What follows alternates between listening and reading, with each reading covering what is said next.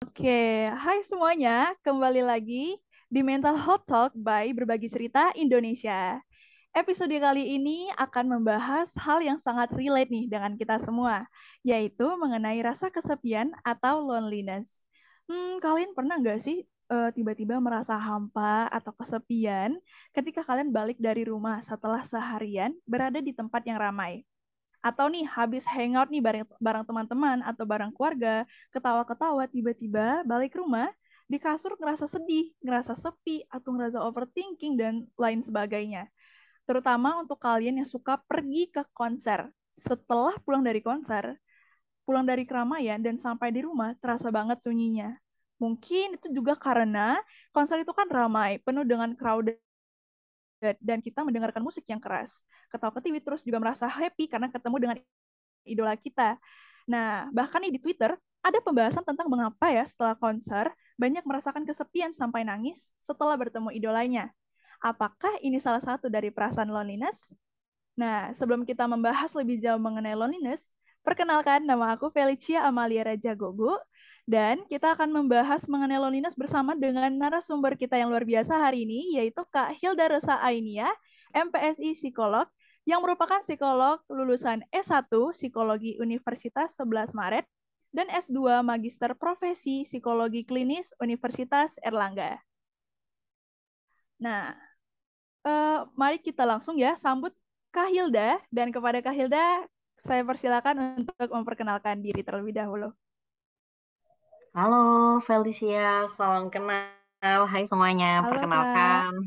Iya, perkenalkan nama aku Hilda Rosa ini ya, sebagai psikolog klinis. Um, saat ini sedang aktif untuk mengabdikan diri di bidang pendidikan dan sosial. Kalau di bidang pendidikan, saya aktif di Sekolah Cikal Surabaya. Kalau di sosial, saya aktif di salah satunya di berbagi cerita ini, salah satu platform ya. Oke. Okay. Terima kasih. Gimana nih Kak kabarnya hari ini ya Kak Hilda? Alhamdulillah baik, senang banget nih bisa ketemu sama Felicia, mm -hmm. kita diskusi yeah. dan ngobrol ya hari ini. Salam kenal juga Kak. Oke, makasih Kak Hilda untuk uh, perkenalan dirinya. Kita akan langsung ya Kak masuk ke dalam sesi uh, podcast kita hari ini yaitu uh, mengenai apa itu loneliness. Jadi uh, kalau yang kita tahu loneliness itu sebuah hal di mana orang-orang ngerasa sendiri ya kak. Nah tapi agar kita mengetahui nih lebih dalam apa itu loneliness, uh, boleh Kak Hilda infoin ke kita dong apa itu loneliness. Silakan Kak. Oke, ngomongin tentang loneliness itu sebenarnya sedikit nggak menyenangkan gitu ya karena kesepian sendiri adalah perasaan yang bikin kita nggak nyaman gitu kita berangkat mungkin dari hmm, zaman dulu banget gitu ya zaman Aristoteles yang mengatakan uh, bahwa manusia itu adalah makhluk, makhluk sosial Benar. Ketika kita ngomongin tentang kesepian, sebenarnya kita ngomongin tentang uh, bahwa diri kita ini adalah makhluk, makhluk sosial gitu. Karena uh, lawannya dari kesepian adalah ramai gitu ya. Ramai kan berarti banyak orang. Benar, tentang benar. Uh, uh, tentang lingkungan sosial. Nah, sebagai manusia kita perlu banget untuk bersosialisasi untuk bisa survive hidup di dunia ini. Kita mungkin bisa aja mengklaim diri kita ini sebagai makhluk yang tidak suka bersosialisasi misalnya. Tapi kita tuh tetap butuh loh orang lain untuk bisa survive dalam hidup kita. Kayak yang paling sederhana aja, kita butuh petani agar kita bisa makan beras gitu, makan makan beras, makan nasi gitu kan ya. Terus kita Benar. butuh nelayan agar kita bisa uh, dapat lauknya kayak gitu. Lalu kemudian uh, jadi kita memang perlu banget nih uh, sama orang lain untuk uh, bisa survive di dunia ini. Nah, um, kita kalaupun kita misalnya tinggal di hutan gitu ya, sendirian gitu. Nah, kita tuh masih tetap uh, perlu untuk berinteraksi dengan makhluk hidup lainnya, dengan um, dengan tumbuh-tumbuhan, dengan binatang gitu. Itu membuktikan bahwa uh, sebagaimanapun nggak ada manusia gitu ya, kita tetap perlu untuk bersosialisasi. Nah, um, itu itu yang secara fisik gitu ya. Secara fisik kita perlu bantuan orang lain untuk memenuhi uh, kebutuhan kita secara fisik, secara makanan dan minuman misalnya kayak gitu. Nah, kalau secara psikologis kita juga perlu bantuan orang lain untuk memenuhi kebutuhan psikologisnya kita. Misalnya nih, uh, untuk membuat kita merasa nyaman, untuk membuat kita merasa dicintai, itu kita membutuhkan orang lain gitu. Kita mungkin bisa uh, mencintai diri kita gitu ya, tapi uh, akan akan lebih lengkap lagi kalau uh, akan lebih valid lagi perasaan kita kalau uh, ada orang lain yang juga mencintai diri kita gitu. Kita jadi semakin merasa bahwa oh ternyata kita itu dicintai kok gitu. Kita itu uh, orang yang layak untuk dicintai, misalnya seperti itu. Nah, kebalikannya nih, ke, uh, sebegitu karena sebegitu pentingnya kebutuhan sosial gitu ya. Jadi uh, kalau misalnya kita tidak mendapatkan atau kebutuhannya kita itu tidak terpenuhi secara sosial, maka uh, kita akan merasa uh, perasa merasakan perasaan yang tidak nyaman, kemudian perasaan terisolasi dari lingkungan sosial, dan itulah yang kita sebut sebagai kesepian gitu. Jadi kesepian itu adalah proses uh, ada adalah uh, perasaan proses um, dalam otak kita gitu ya proses dalam proses, dinamika psikologisnya kita antara perasaan dan pemikiran yang membuat kita tidak merasa tidak nyaman dan terisolasi dari lingkungan sosial dikarenakan adanya kebutuhan sosial yang tidak terpenuhi karena uh, adanya kualitas hubungan sosial yang kurang mendalam atau kurang cocok dengan kita gitu. Itu dari pengertiannya nih dari berangkat uh, apa ya sejarahnya gitu ya sejarahnya Benar, uh, perasaan kesepian itu seperti apa gitu. Oke, berarti nih loneliness ini lebih ke kita ketika kita merasa terisolasi karena kita sebagai makhluk sosial itu pasti membutuhkan orang-orang terutama juga manusia yang dekat dengan kita atau bahkan makhluk hidup ya Kak, begitu ya kira-kira ya. Betul, betul banget. Ini aku juga mau ngejelasin lagi nih, Mbak, iya, uh, bahwa kesep kenapa sih kesepian ini sering banget diangkat sebagai isu gitu ya dan banyak banget terjadi di lingkungan sekitar kita dan kenapa kesepian ini uh, kerasa begitu menyakitkan gitu kadang ya? benar, ya karena benar. Uh, uh, kesepian ini kalau boleh di apa ya ibaratkan itu bisa jadi sama dengan kita kelaparan gitu rasa uh, kita Eh, kita sebagai makhluk hidup itu tidak lepas dari aspek biopsikososial, benar nggak? Biologis, benar, benar. psikologis, dan sosial gitu ya.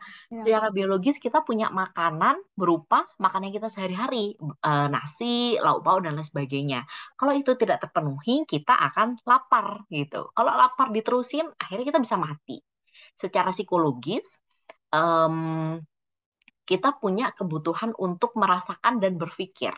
Kalau kita tidak bisa merasakan sama sekali atau tidak bisa berpikir gitu, kita bisa tahu gitu seperti orang-orang skizofrenia gitu ya, yang mereka mungkin tidak uh, tidak punya afek, tidak bisa berpikir lagi, maka secara psikologis kita um, punya gangguan nih gitu, tidak terpenuhi kebutuhan psikologisnya kita. Pun secara sosial, Nah, ketika kebutuhan sosialnya kita ini tidak terpenuhi, sama ketika kita lapar, kita lapar terus nih. Dan ketika kita uh, laparnya itu seperti uh, kalau kalau dalam kebutuhan sosial disebutnya kesepian. Kalau kita kesepian terus-menerus, akhirnya menjadi kronis. Akhirnya membuat kita uh, merasakan gangguan-gangguan tertentu ke arah uh, gangguan psikologis tertentu. Bah, uh, bahkan seperti depresi, terus kemudian uh, suicidal thought dan lain sebagainya. Jadi sebegitu perlunya kita untuk bersosialisasi dan sebegitu um, apa ya, sebegitu mendalamnya rasa kesepian ini gitu ya penting untuk kita bahas karena itu tadi itu menyangkut uh, menyangkut kebutuhannya kita gitu. Bener bener banget nih kak. Aku juga uh, baru begitu dengar kata-kata kakak aku jadi merasa mikir nih, iya bener nih, kalau misalnya kita berinteraksi dengan orang-orang itu juga suatu kebutuhan. Dan sama seperti ke kita ketika kita perlu makanan ya, Kak. Uh, Oke. Okay. Keren banget nih, Kak, uh, apa ya, informasinya. Dan dari beberapa yang aku tangkap, uh, kita mungkin kalau kesepian kita bingung nih ngatasinnya gimana. Kayak contohnya aku lagi sendirian di kamar, terus aku juga merasa kayak butuh orang-orang di sekitar aku yang harusnya mendengarkan yang uh, apa ya cerita aku ketika aku merasa lagi kesepian. Jadi kalau menurut tanggapan Kak Hilda nih, gimana ya kira-kira cara kita nanganin rasa kesepian itu Kak? Gitu. Oke, sebelum kita um, lompat ke cara menangani kesepian, mungkin um, kita tahu dulu kali ya jenis-jenisnya kesepian itu seperti apa aja gitu kali ya, Felicia. Boleh Kak, boleh. Nah, Silakan, jadi um, seperti tadi kelaparan ya, kelaparan kalau terus-menerus akhirnya jadi sakit gitu secara fisik. Sama kayak kesepian, kalau terus-menerus akhirnya jadi sakit juga gitu, jadi disorder gitu ya. Nah, um, rasa kesepian ini ada yang bersifat akut dan kronis gitu. Nah, sama banget kan sama penyakit fisik gitu ya, sakit benar, lambung benar. gitu. Ada mah akut, ada mah kronis gitu. nah, benar, benar. Uh, uh, kalau um, kesepian yang akut itu terjadinya secara tiba-tiba dan sangat menyakitkan. Contohnya, kalau misalnya kita kehilangan orang yang kita cintai, misalnya ibu kita meninggal, ayah kita meninggal secara tiba-tiba gitu ya, itu uh, kita kan nggak ada persiapan tuh Nah, iya, biasanya ya, uh, rasa kesepian yang kita rasakan itu akut gitu, mendadak dan uh, mencekam gitu rasa sakitnya, sakit banget gitu, sakit gitu. Banget Jadi gitu. Mm nyelkit gitu ya. nah, kalau yang kronis, nah ini yang banyak dirasakan uh, oleh orang-orang. Jadi kesepiannya itu mungkin nggak uh, se nggak seberasa yang tadi akut ya tapi itu diabaikan terus menerus gitu ya diabaikan ah nggak nih nggak nggak kesepian kok gitu ya uh, nggak nggak tervalidasi perasaannya terus menerus akhirnya itu uh, menumpuk sedikit demi sedikit lama-lama menjadi bukit gitu ya. Sama kayak kita kalau makronis satu hari telat makan ah nggak apa-apa dah. Besok lagi telat makan ah nggak apa-apa.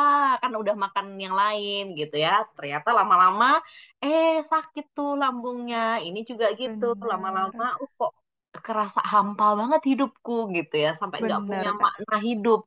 Padahal kalau misalnya ditelisik lebih jauh kita melihat secara holistik apa sih permasalahannya? Bisa jadi karena kesepian. Hanya satu kata gitu ya karena kesepian. Tapi ketika terjadi terus menerus itu bisa jadi kronis gitu.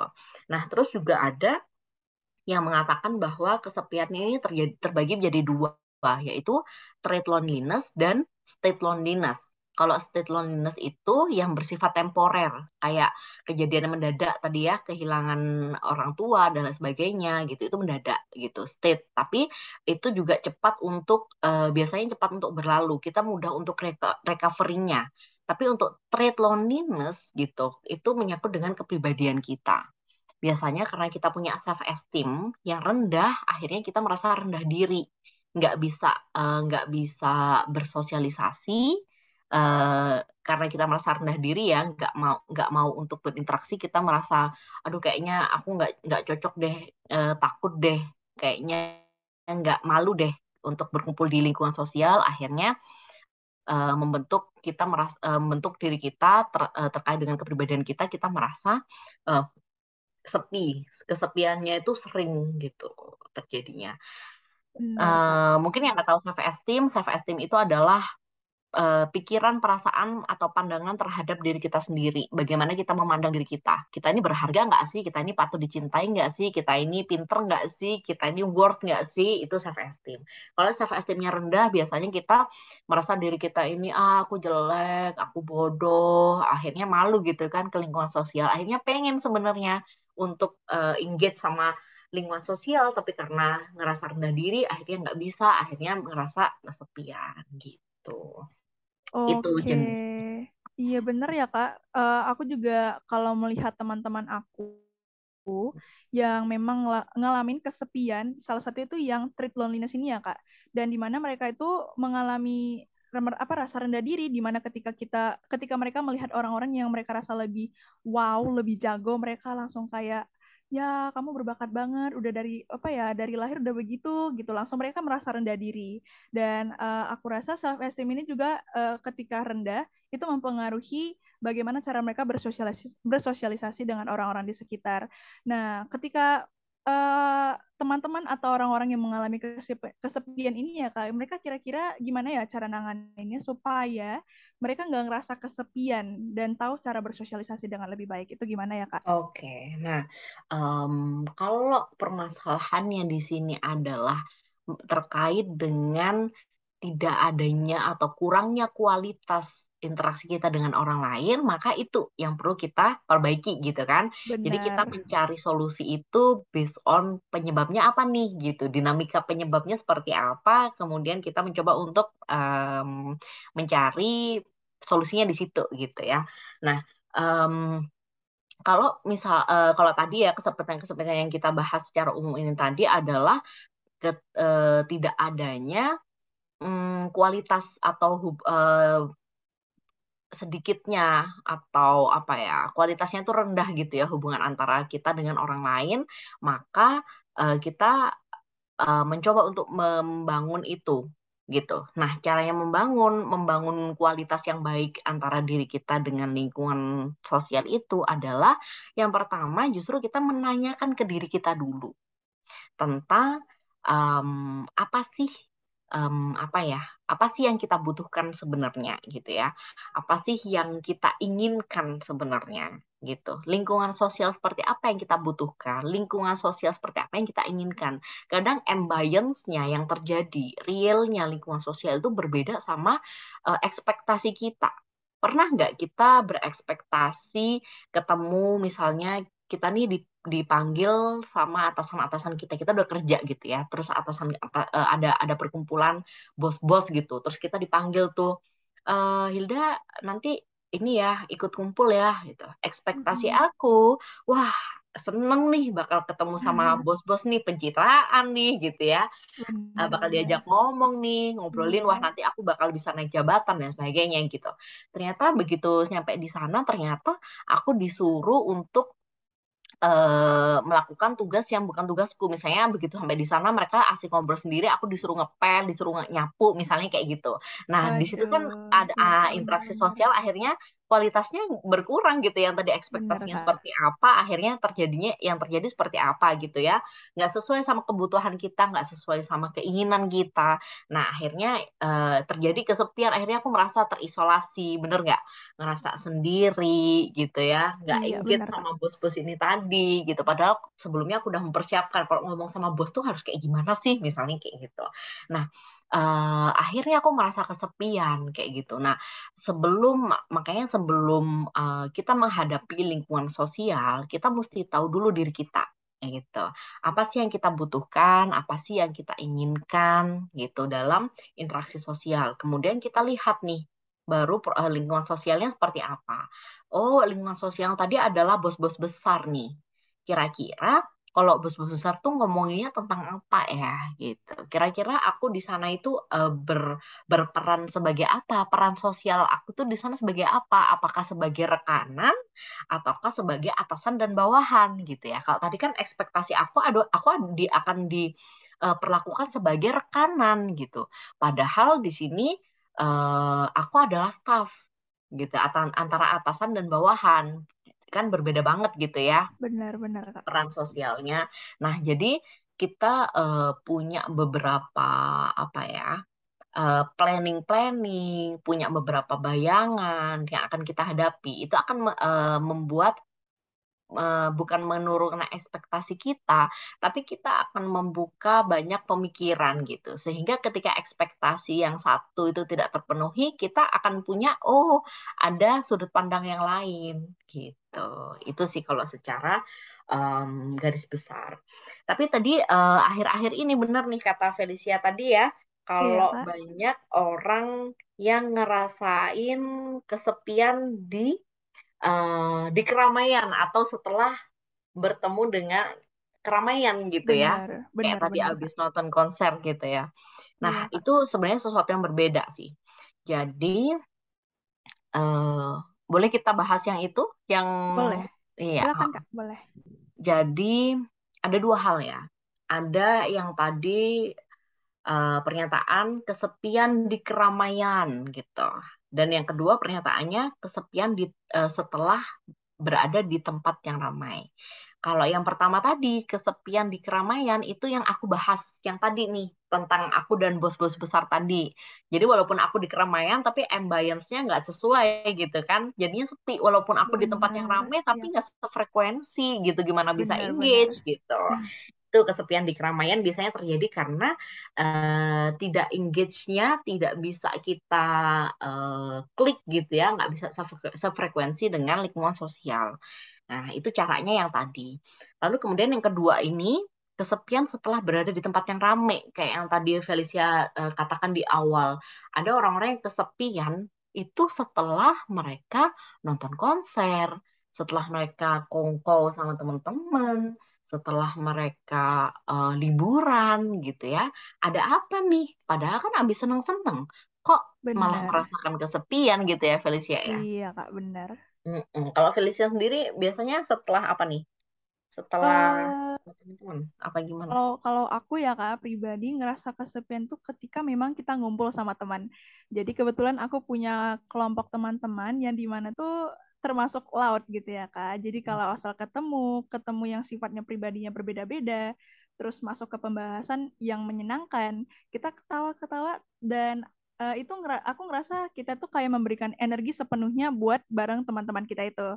Nah, ketika kita balik nih dari rumah atau udah selesai nih uh, ketawa-ketawanya, aku ngerasa energi aku terkuras habis, terus juga tiba-tiba uh, ngerasa lelah dan nggak pengen lagi ngelanjutin uh, diskusi itu bareng teman-teman. Dan pulang ke rumah itu ngerasa kesepian kayak, aduh ini aku nggak punya siapa-siapa nih sekarang di rumah aku ngapain aku harus bagaimana dan banyak rasa bingung dan overthinking gitu sih kak kalau aku pribadi Oke, berarti yang Felicia rasakan itu adalah uh, perasaan hampa gitu ya? Hampa itu hampa ya kayak, hmm. udah, oke oke kak. Uh, yang enggak, ya aku nanya nih, oh, aku nanya nih yang Felicia nanya kehampaan setelah uh, tadi ketemu banyak orang itu, -uh. terus merasa kehilangan mereka atau seperti apa? Iya, itu benar-benar kayak kok aku ngerasa hampa dan ke, uh, seperti apa ya?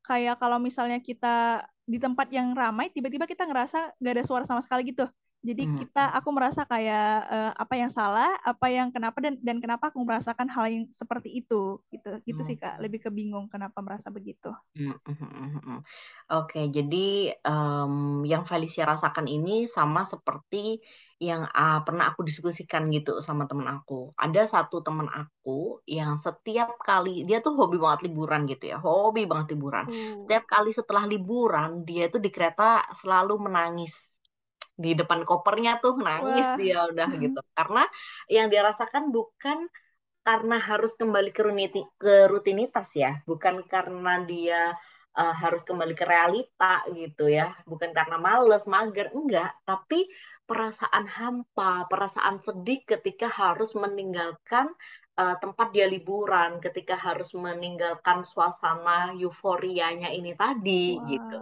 Nah, hmm, yang bener. banyak dirasakan, yang Felicia rasakan, yang teman aku rasakan, dan yang banyak orang rasakan setelah konser dan sebagainya itu itu itu. Jadi karena adanya perbedaan uh, kondisi situasi yang jomplang banget gitu ya. Tadinya euforia banget ketemu sama teman-teman, apalagi Bener. temannya barbar tadi ya, temannya iya, Felicia kak, ya. Kak. Barbar mereka. Barbar gitu ya. Kayak iya, hahaha itu udah uh, iya. sampai, sampai kedengeran satu RT gitu misalnya. Bener-bener kak. Uh, nah kayak gitu, terus langsung sepi banget gitu. Nah, kenapa sih uh, situasi yang jomplang, perbedaan ini tadi kok sebegitu berpengaruhnya ya ke diri kita. Sebenarnya kenapa gitu? Ini aku mau jelasin uh, penyebabnya dulu kali ya, Felicia ya. Benar. Jadi um, ada jadi tadi seperti yang ku jelaskan di awal, kita sebagai manusia itu nggak lepas dari faktor biopsikososial. Nah, di sini aku mau jelasin secara uh, holistik dari faktor biologis, faktor uh, psikososialnya seperti apa. Kalau secara biologis, diri kita dalam diri kita itu memproduksi hormon gitu ya kalau kita sedang merasakan euforia sedang merasakan seneng banget itu ada namanya hormon dopamin yang bekerja gitu. Nah, hormon dopamin ini disebut juga sebagai hormon pengendali emosi. Makanya orang ada kan kayak eh, narkotika yang jenis apa tuh satunya depresan, satunya untuk stimulan. Nah, yang narkotika stimulan itu fungsinya untuk uh, meningkatkan hormon dopaminnya kita supaya ada sensasi-sensasi uh, euforia yang kita rasakan. Makanya seneng banget gitu kan ya. Kalau seneng, seneng banget. Kayak kita lagi nonton konser benar, kan benar. ketemu idol seneng banget gitu. Ketemu sama temen ngakak-ngakak gitu. Itu hormon dopaminnya keluar. Nah, ketika uh, itu ketika ketika kita nonton konser itu itu ada namanya di otak kita tuh banjir hormon dopamin. Jadi hormon dopaminnya dopaminnya tuh banyak banget. Terus ketika situasinya berubah, ya akhirnya kan nggak uh, stimulus yang membuat kita seneng euforia ini tadi kan udah nggak ada, idolnya kan udah nggak ada nih, teman-temannya ya, udah nggak ada gitu. Benar. Akhirnya dopaminnya serut dia nggak nggak keluar lagi karena stimulusnya udah nggak ada gitu kan.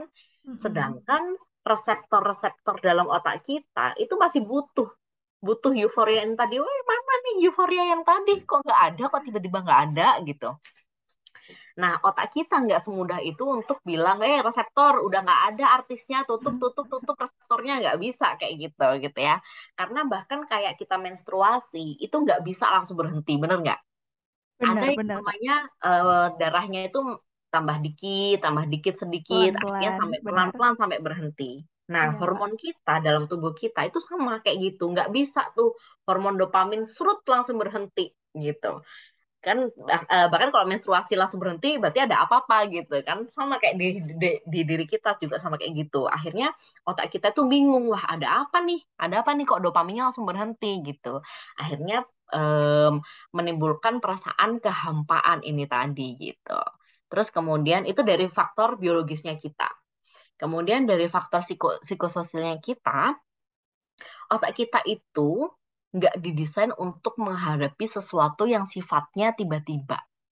Kalau ini tadi kan konser begitu rame, ke Benar. begitu sepi gitu. Iya, itu kan tiba-tiba banget ya. Dalam hitungan menit gitu udah orang bubar sepi banget gitu kan. Benar, benar. Nah, otak kita itu di uh, didesain untuk mengikuti pola-pola. Makanya ada pola makan, pola tidur gitu ya.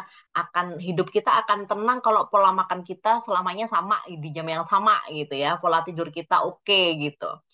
Itu uh, otak kita itu akan bekerja uh, dengan baik gitu.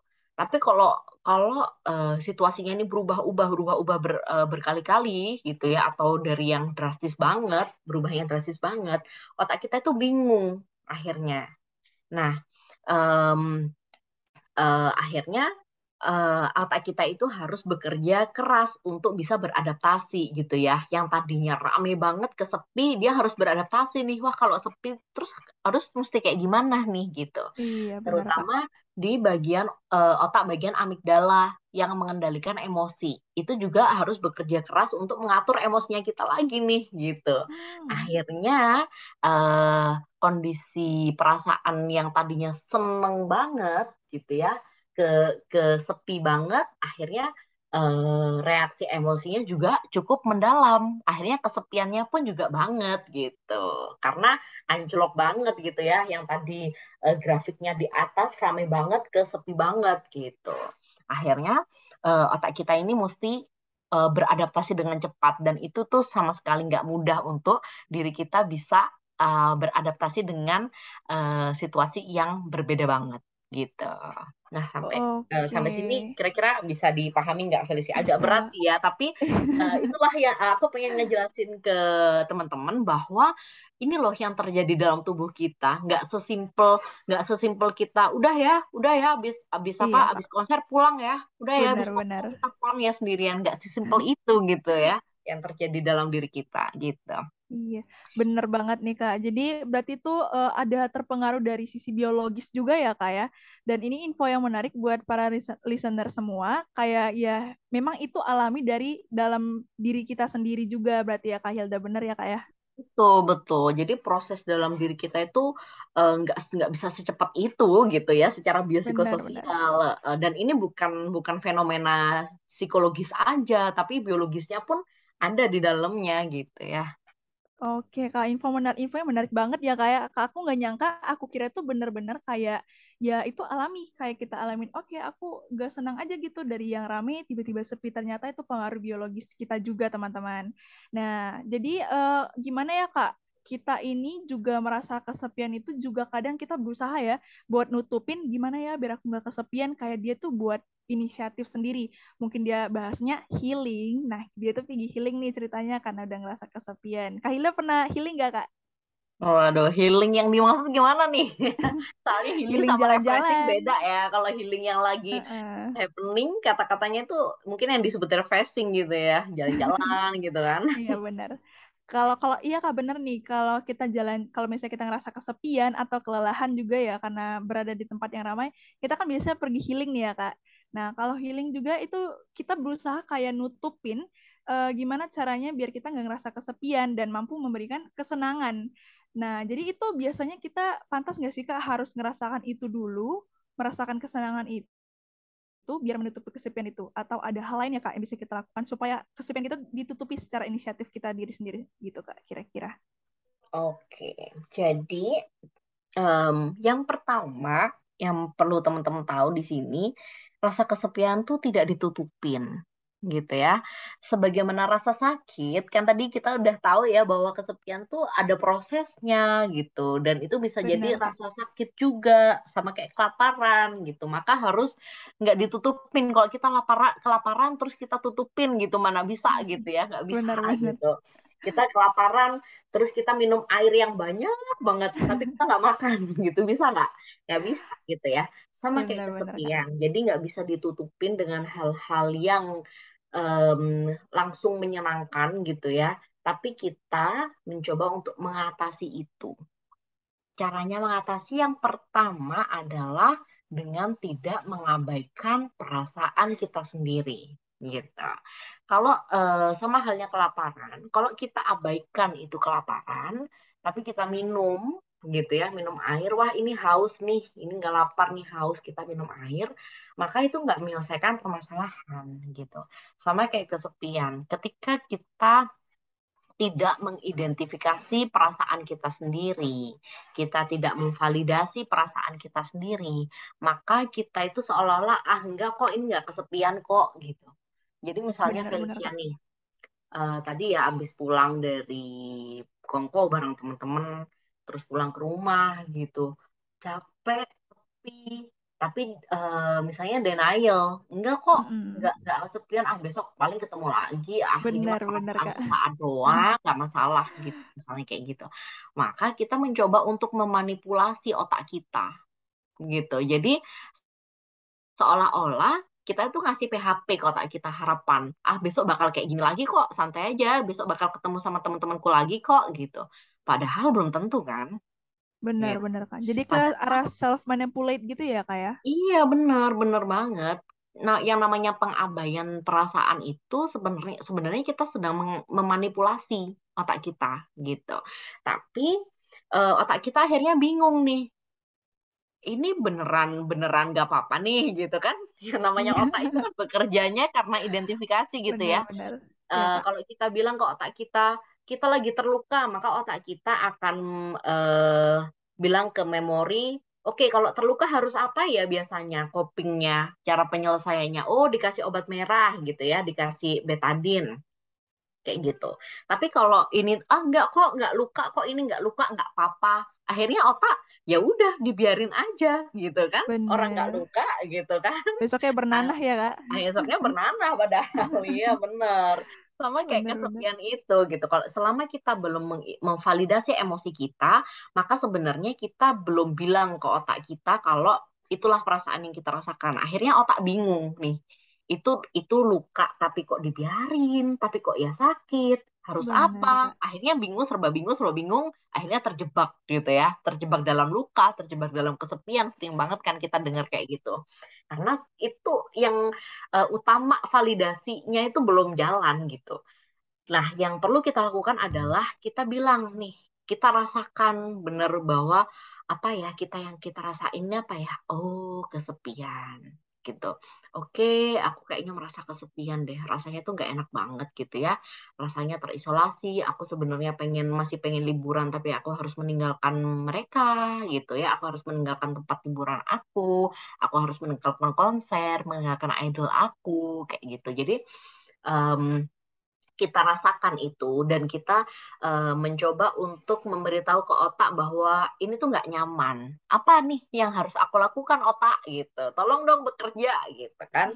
Akhirnya Benar. otak berpikir uh, ketika emosi kita sudah tervalidasi, uh, informasi otak itu dari amigdala ini akan ke prefrontal cortex bagian otak depan ini yang uh, yang mengolah tentang logika. Akhirnya kita bisa berpikir logis. Kalau ini tadi nggak tervalidasi, kita itu akan susah berpikir logis. Gitu. Kalau sudah tervalidasi, mudah aja otak untuk berpikir logis. Kemudian pemrosesan informasinya ini tadi eh, kita upayakan. Oh, oke okay nih. Jadi perasaannya sepi, gitu ya. Perasaannya kesepian biasanya kalau kesepian ngapain ya? Gitu. Dia belajar nih sebelum-sebelumnya dari memori-memori kita. Oh biasanya kalau kesepian dia telepon temennya nih biar nggak kesepian lagi. Akhirnya kita mencoba cara itu gitu. Jadi uh, validasi emosi itu penting banget. Sepenting itu gitu ya. Oke, nah, Kak. Ya, Berarti... yang sering di yang sering dilakukan itu ya, adalah pengabaian perasaan itu gitu. Nah, uh, terus tadi yang ditanya sampai aku lupa nih pertanyaannya. Pertanyaan Felicia, apa yang mesti dilakukan gitu ya? Iya kak, benar-benar. Uh, uh, itu yang pertama tadi ya validasi emosi penjelasannya udah lengkap banget lah ya. Iya kak. udah jelas lah.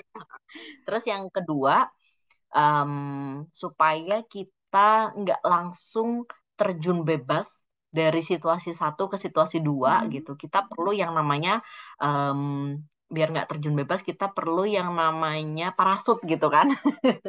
Jadi Bener. kalau biar kita dari pesawat nggak nyampe tanah. Uh, uh, nyampe tanah gitu kita kan nggak bisa langsung gitu ya. Benar benar. Kita butuh parasut kan betul kita perlu parasut. Nah parasutnya itu adalah waktu. Wow. nah kalau misalnya kita hmm, kita akan konser pasti rencananya matang atau enggak nih Felicia? Kita mau kongko sama temen yang udah lama nggak kita temuin gitu. Biasanya kan rencananya matang ya. Iya, biasanya rencananya matang Kak, bener-bener. Betul. Nah, eh, sama halnya dengan itu, kita juga eh, merencana ketika merencanakannya untuk sebelumnya ini sudah matang, maka kita juga rencanakan untuk setelahnya gitu. Biasanya kita cuma merencanakan untuk sebelumnya. Biasanya nih eh, yang euforianya banget kan ketika liburan dan nonton konser nih ya. Euforianya kan banget iya, gitu ya. ya. Jadi kita persiapannya nih banyak banget gitu untuk menuju ke euforia ini tadi. Jadi begitu sampai goalnya, euforianya kerasa banget gitu. Tapi kadang kita nggak mempersiapkan untuk merencanakan setelahnya mau ngapain nih gitu. Akhirnya terabaikan. Seolah-olah secara logika ya setelahnya ya pulang. Ya iyalah ya pasti pulang gitu pasti kan. pulang, secara logika oh, oh ya mesti pulang masa mau konser terus menerus gitu. Iya. nah tapi uh, kita nggak menyadari bahwa nggak sebaiknya untuk uh, change uh, situation yang berbeda secepat itu gitu ya yang tadi kita udah jelaskan di awal. Maka kita mestinya juga rencanakan bahwa kita kasih jeda waktu sebelum kembali ke rutinitas gitu.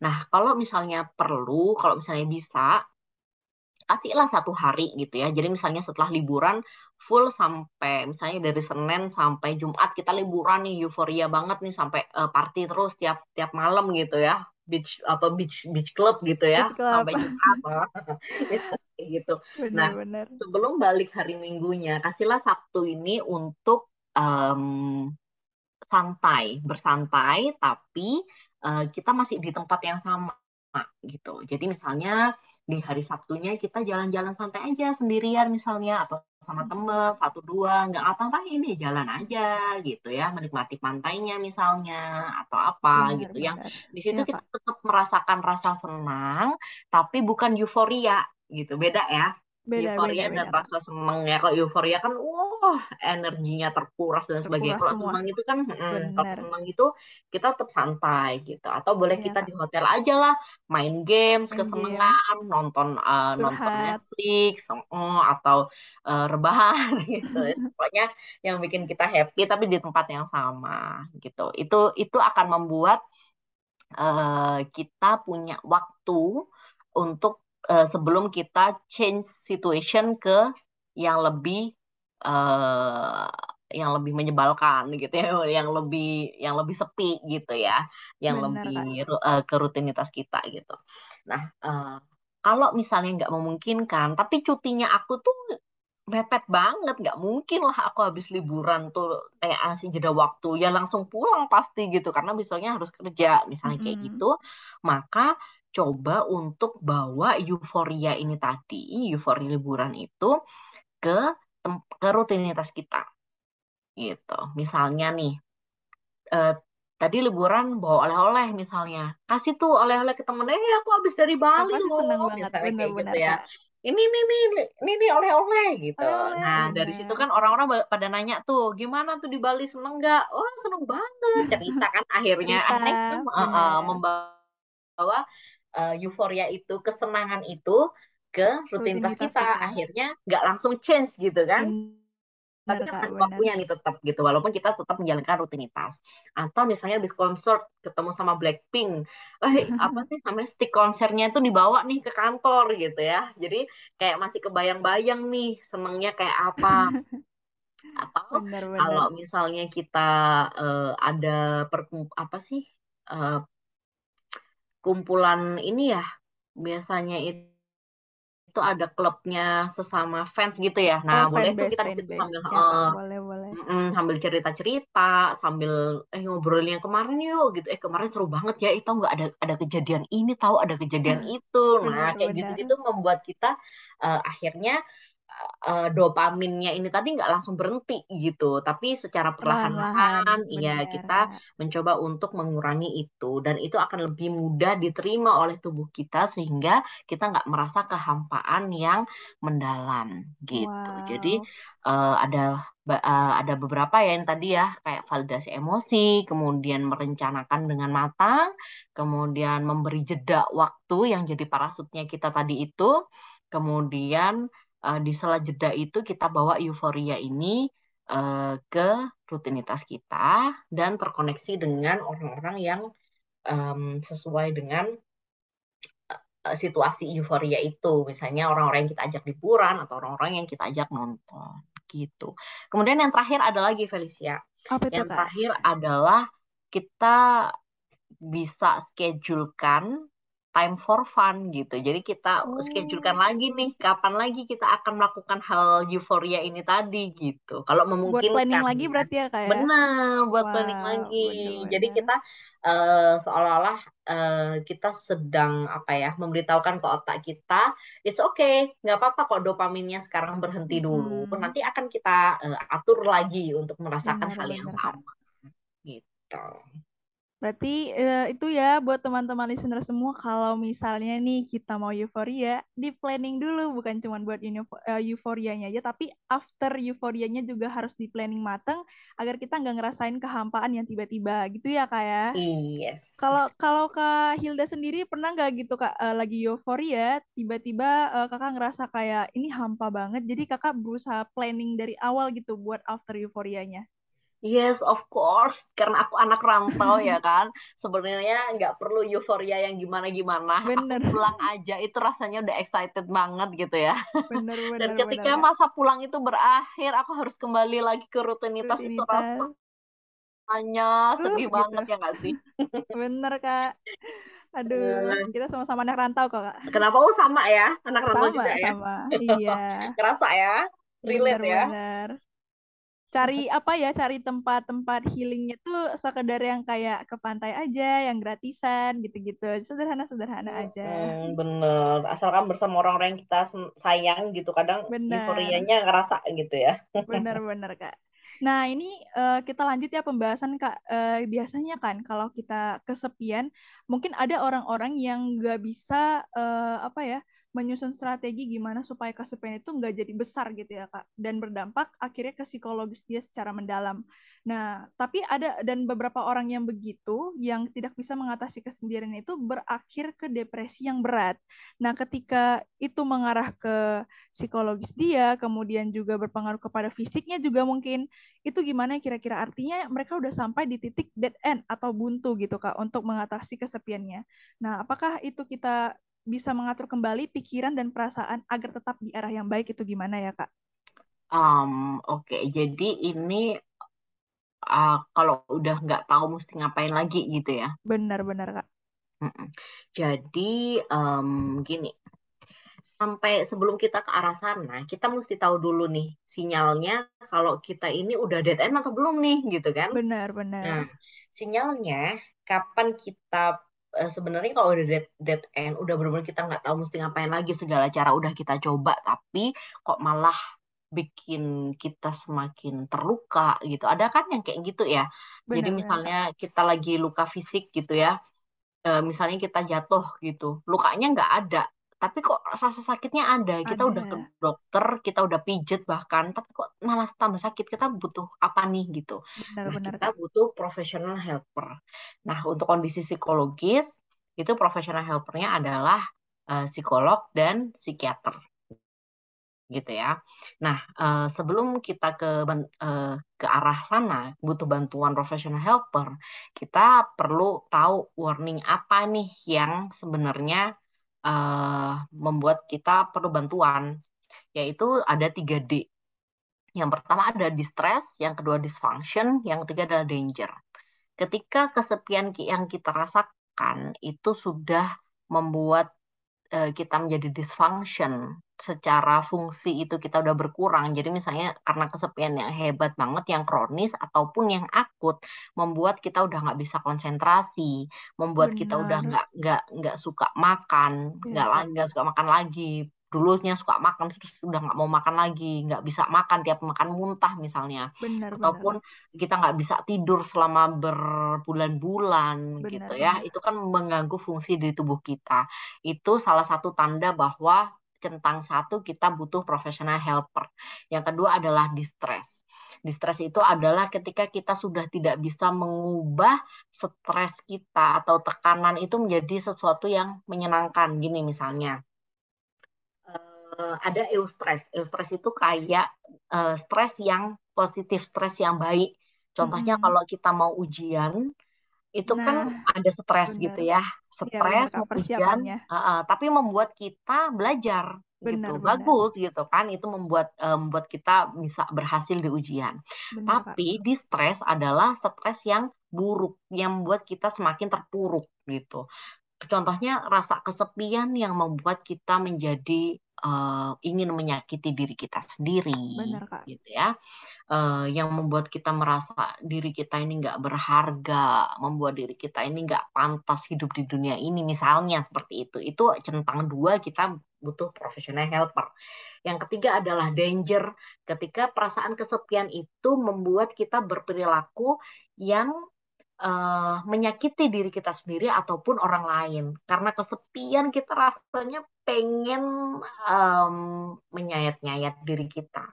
Karena kesepian kita rasanya pengen um, menyakiti orang lain, pengen nonjokin orang lain misalnya Benar. kayak gitu ya. ya Kak. Atau pengen karena kesepian kita pengen kebut-kebutan di jalan, pengen hmm. pakai narkotika gitu ya. Ada ya, yang kayak gitu. Ada nah, ada. Itu uh, itu membahayakan banget kan. Itu centang tiga kita uh, butuh profesional helper. Kalau misalnya ada dua centang, nah itu sudah butuh profesional helper. Itu udah dead end, maksudnya udah nggak tahu mesti ngapain lagi dan um, ya butuh butuh apa ya butuh pertolongan gitu ya kita.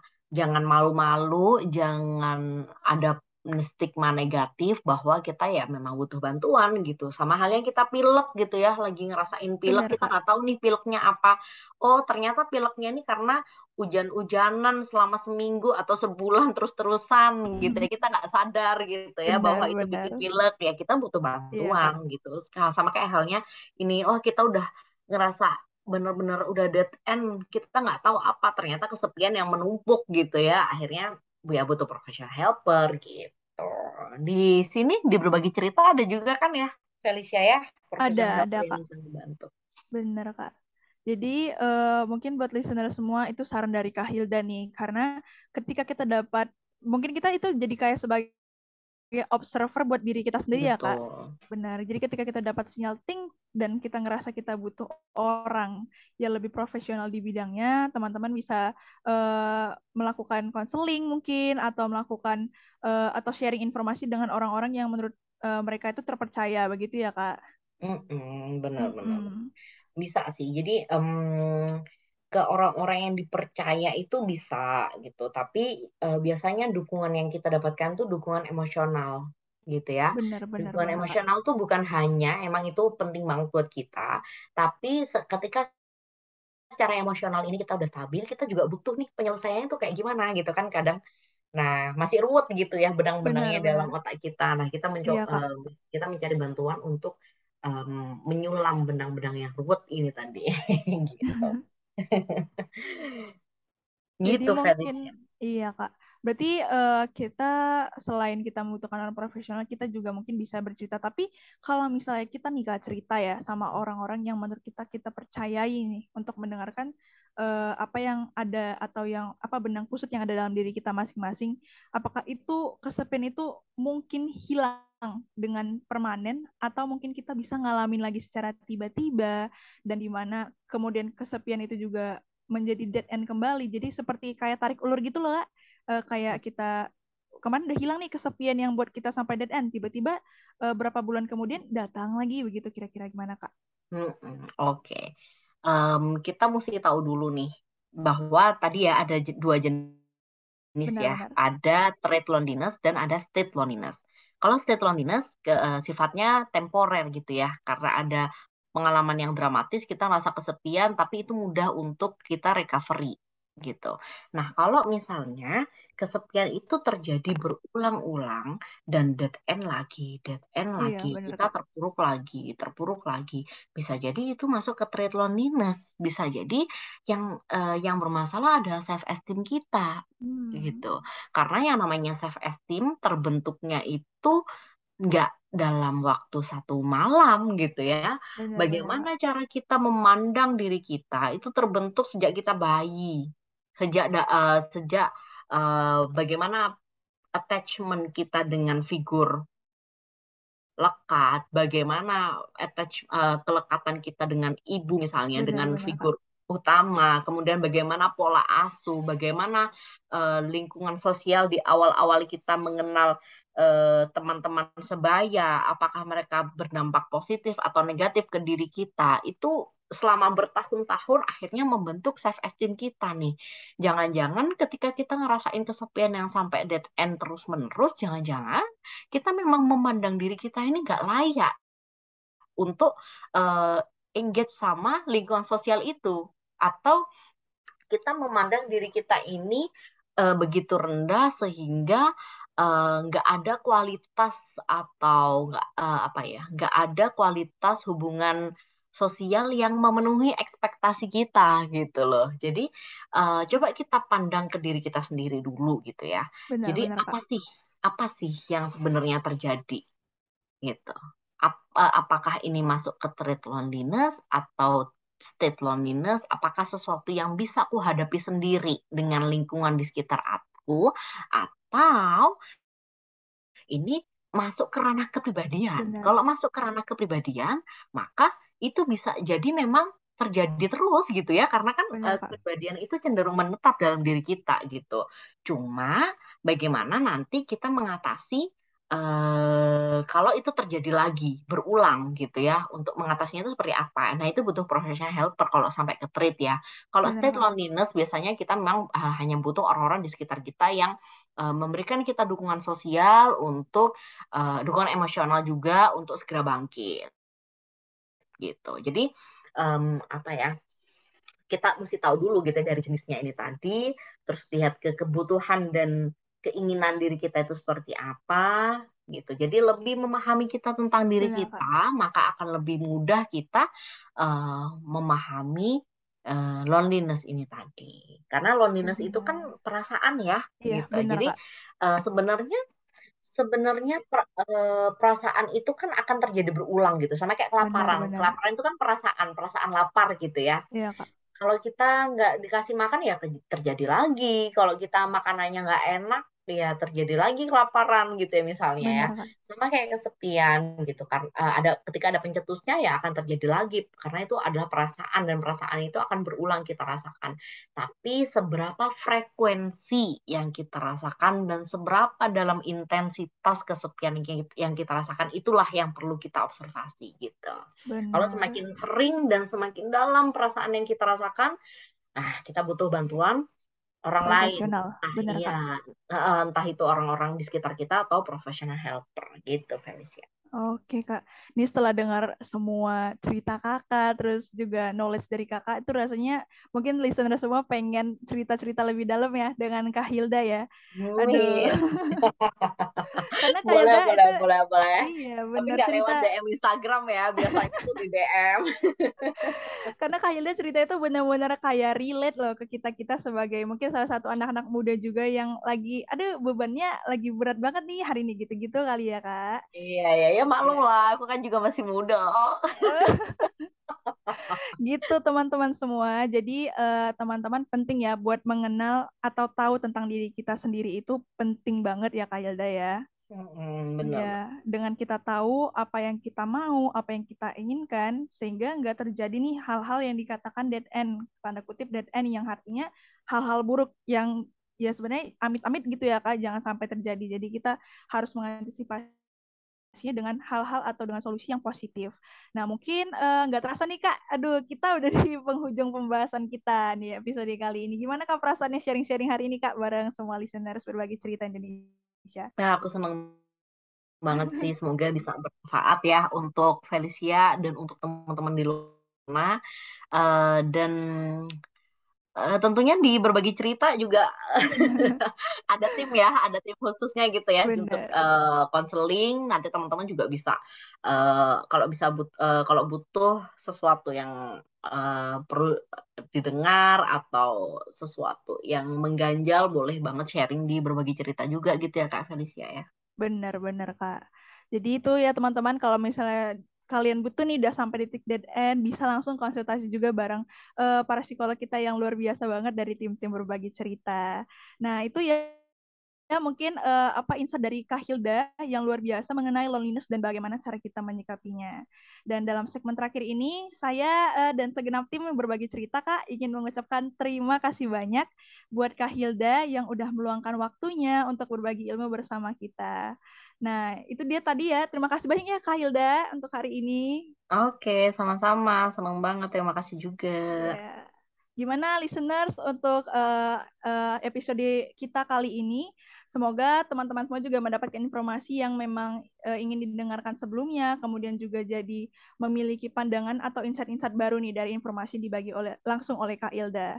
Nah, itu dia tadi Mental Health Talk episode 4 yang dipersembahkan oleh Berbagi Cerita Indonesia. Terima kasih untuk teman-teman yang sudah mendengarkan dan semoga ada wawasan baru yang bisa kalian dapatkan dari episode kali ini.